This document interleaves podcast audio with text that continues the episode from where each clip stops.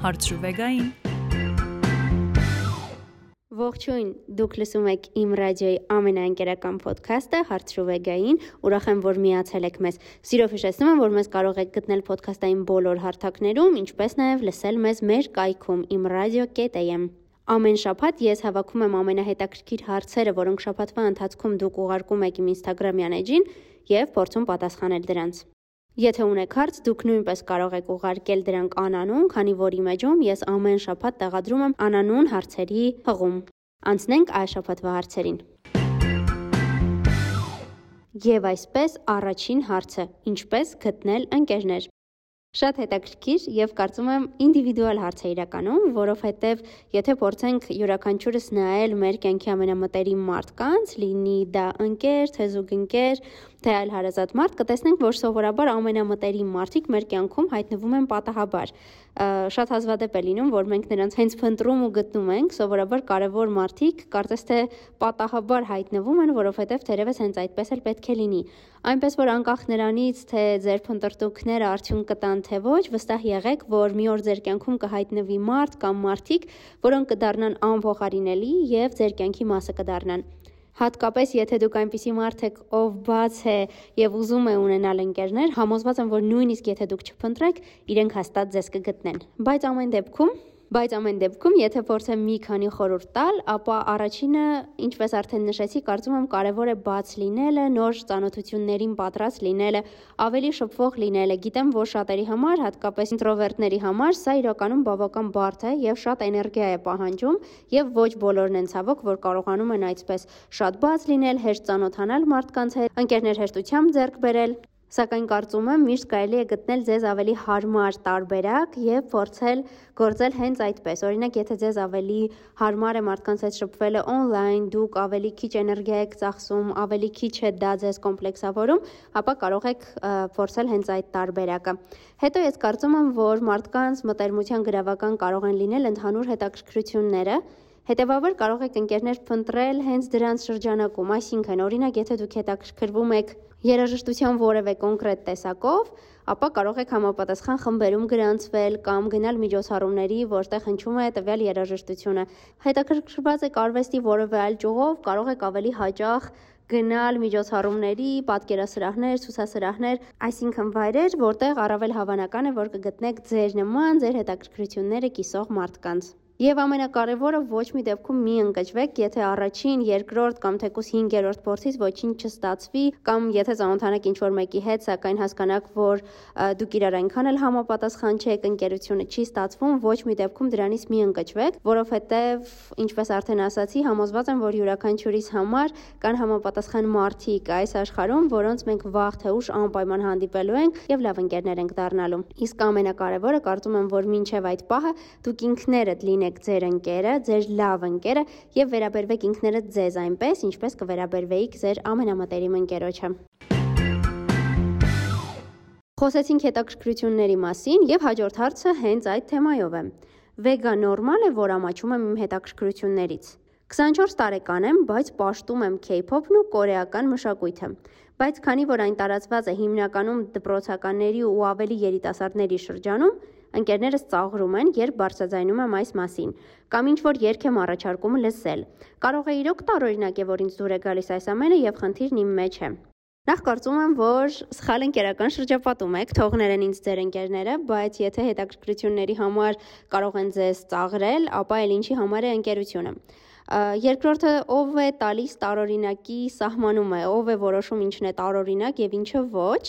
կարծում եմ հետաքրքրությունները տարիք չեն հարցնում Եվ իրականում ես շատ-շատ լավ եմ ձեզ հասկանում, քանի որ ես ինքս օրինակ պատանի տարիքից սիրել եմ անիմեներ, անիմեի մշակույթը, եւ մարդիկ վստահ էին, որ տարիքի հետ դա կանցնի, սակայն ես վստահ եի, որ ես այս ամենը այնքան շատ եմ սիրում, որ դա ոչ մի տեղ չի գնալու եւ շարունակելու եմ սիրել ամբողջ կյանքում։ Հիմա արդեն 29 տարեկան եմ, ինչ օրս սիրում եմ անիմե։ Ես ուրախ եմ, որ ունեմ մի հետաքրքրություն, որն ինձ համար այսպես ասած ապահով վայր է, որով ես ժամանակ եմ անցկացնում, ինձ լավ եմ զգում, իմ ինձ հետաքրքիր է, ինձ երճ փչանկացնում է եւ կարծում եմ կապ չունի թե դա ինչ է կամ թե հիմնականում ում շրջանում է տարածված։ Եթե դա ձեզ դուր է գալիս, ապա ես ոչ մի խնդիր չեմ տեսնում, առավել եւս ամաչելու պատճառ չեմ տեսնում։ Յուրաքանչյուրս ունենք մեր հետաքրքրությունները եւ գուցե ձեզ համար էլ շատ տարօրինակ են այն երգերն ու երաժշտությունը, որը լսում են ձեր ընկերները եւ կարծում եմ իրենց կողմից այնքան էլ ճիշտ չէ ծիծաղելը կամ հրաժարվելը, երբ առաջարկում եք լսել։ Քանի որ կարծում եմ լավ ընկերները սովորաբար փորձում են հետաքրքրվել մյուս ընկերոջ հետաքրքրություններով, հասկանալ հատկապես ինչն է նրան դուր եկել այդտեղ։ Ես ինքս էլ ունեմ բազմաթիվ ծանոթներ եւ ընկերներ, որոնք շատ սիրում են K-pop մշակույթը, ես նույնպես ունեմ մի քանի սիրելի երգ, այնպես որ վստահեցնում եմ, այստեղ ձեր մեջ ոչ մի խնդիր չկա, եթե ձեզ դուր է գալիս այդ երաժշտությունը, շարունակեք լսել եւ վայելել։ Համալսարանն ավարտել եմ մի քանի տարի առաջ։ Դեռ սովորելու ընթացքում արդեն հասկանում էի, որ սխալվել եմ։ Քանի որ սխալ պատկերացումներ ունեի, հասկացա, որ չեմ ուզում շարունակել իմ մասնագիտությամբ։ Ավարտելուց հետո միանգամից աշխատանք գտա միանգամայն այլ ոլորտում, որը պարզապես պետք է ժամանակավոր լիներ, ինչև հասկանայի, թե ինչով եմ ուզում զբաղվել ու այդ ուղությամբ շարունակեի ուսումս։ Բայց 2-3 տարի անցել, իսկ ես դեռ չունեմ ընտրած մասնագիտություն։ Չեմ հասկանում ինչով եմ ուզում զբաղվել։ Իմ ներկայիս մասնագիտության մեջ ասում են, որ լավն է։ Ղեկավարներս միշտ գովում են, շուտով նույնիսկ առաջ խաղացում են խոստացել, բայց սա նույնպես այն չէ, ինչով կուզեի շարունակել ամբողջ կյանքս։ Ինչ անել, ինչպես կողմնորոշվել։ Կարծում եմ նման դեպքերում, երբ հասկանում ենք, որ չկա որևէ աշխատանք, որը մեզ համար սիրելի է, մնում է երկու տարբերակ։ Առաջինը փորձել տարբեր մասնագիտություններ, գնալ եւ գտնել հնարավորություններ, օրինակ պրակտիկայի կամ դիտել տեսանյութեր, ծանոթանալ մասնագետների հետ, խնդրել, որ նրանք ձեզ պատմեն իրենց մասնագիտության մասին, կամ էլ գտնել մի բան, որը ձեզ համար շատ սիրելի զբաղմունք է, որը դուք մեծ հաճույքով եք անում եւ փորձել դա վերածել մասնագիտության։ Գիտեմ, որ երբեմն դա անհնար է թվում, բայց հիշենք, որ օրինակ լավագույն ոճաբաններից, երբեմն նույնիսկ դիզայներներից շատերը Մարդիկ են, ովքեր ժամանակին հասկացել են, որ շատ են սիրում օրինակ շոփինգ անել, շատ են սիրում իրենց գեղեցիկ զգեստներ գնել, շատ են սիրում համադրել տարբեր հագուստ, Եվ արդյունքում իրենց սիրած զբաղմունքը վերածել են աշխատանքի։ Սա պարզապես մի օրինակ էր, բայց համոզված եմ, որ եթե մտածեք, բազմաթիվ նման օրինակներ նույնպես դուք կգտնեք։ Այս դեպքում գուցե դադարեք կողմնորոշվել հենց մասնագիտությունների եւ աշխատանքի վրա, այլ կենտրոնանաք այն հարցի շուրջ, թե հատկապես ձեզ ինչն է դուր գալիս եւ թե ինչպես կարող է այն ձեզ համար նաեւ եկամտի աղբյուր դառնալ։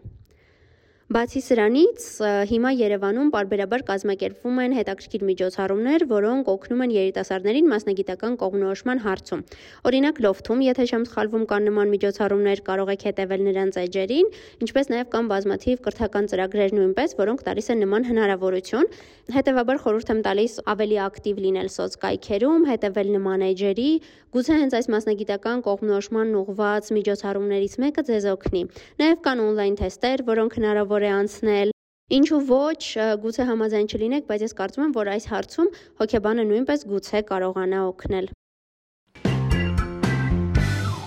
Ինչ անել անպետք լինելու զգացման հետ։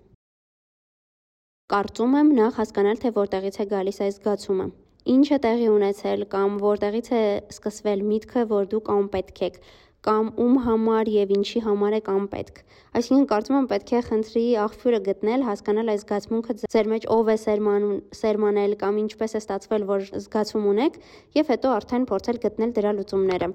Ինչպես բոլոր հոգեբանական խնդրի դեպքում, այս դեպքում նույնպես իհարկե միանշանակ խորհուրդ կտայի, եթե կա հնարավորություն այցելել հոգեբանի, բայց եթե ոչ, կարծում եմ պետք է պակաս քննադատորեն մոտենաք ինքներդ ձեզ, կենտրոնանաք այն ամենի վրա, ինչը ձեր կարծիքով ձեզ մոտ լավ է ստացվում եւ փորձեք հասկանալ, թե ինչ օգուտ է բերում դա մարդկությանը, ձեր հարազատներին, ձեր ընկերներին։ Ի վերջո, երբեմն երբ պարզապես նստում ենք մեր մտերիմների կողքին կամ լսում ենք նրանց պատմությունները, խնդիրները, արդեն իսկ նրանց համար մեծ ու կարևոր գործ ենք անում։ Հետևաբար արդեն իսկ պետք է հասկանաք, որ եթե կան մարդիկ, ում կողմից սիրված եք եւ ում դուք սիրում եք, արդեն իսկ չի կարելի ինքներդ ձեզ անվանել անպետք։ Ի վերջո դուք հենց ինքներդ ձեզ հաստատ պետք եք, հետևաբար պետք է խուսափել այս զգացումից։ Եթե կան զբաղմունքներ, գործեր, որոնք ձեր կարծիքով կարևոր են, որոնք ձեր կարծիքով մարդկանց դրականն են բերում եւ որոնք դու կարող եք անել, ապա ինչու ոչ կարող եք դրանցով նույնպես զբաղվել եւ գուցե այդպես նույնպես կկարողանաք հաղթահարել այդ զգացումը։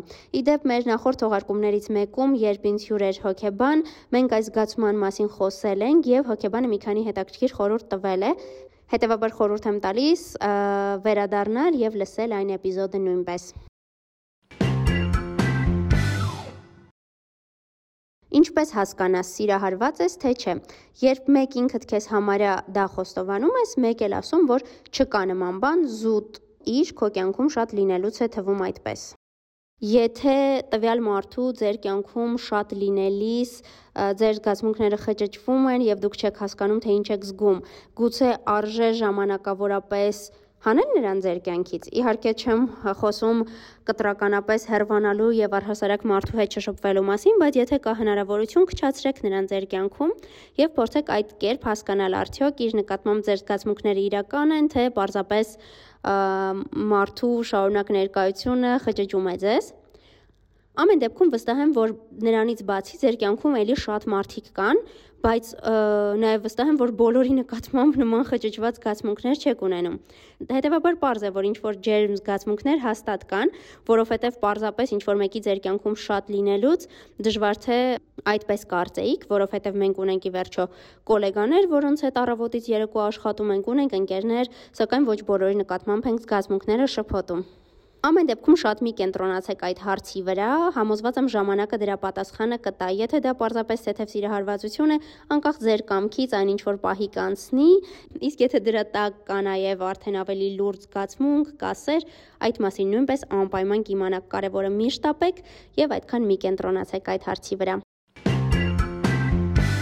Այս թողարկման համար առանձնացրածս հարցերն այսքանն էին, եւս մեկ անգամ ուզում եմ հիշեցնել, որ դուք նույնպես կարող եք ուղարկել ձեր հարցերը փնտրելով ինձ Instagram-ում։ Բաժանորդագրվեք մեզ Apple Podcast-ում, Spotify-ում, լսեք մեզ նաև մեր կայքում ու 103 ու 8 հաճախականությամբ։ Կհանդիպենք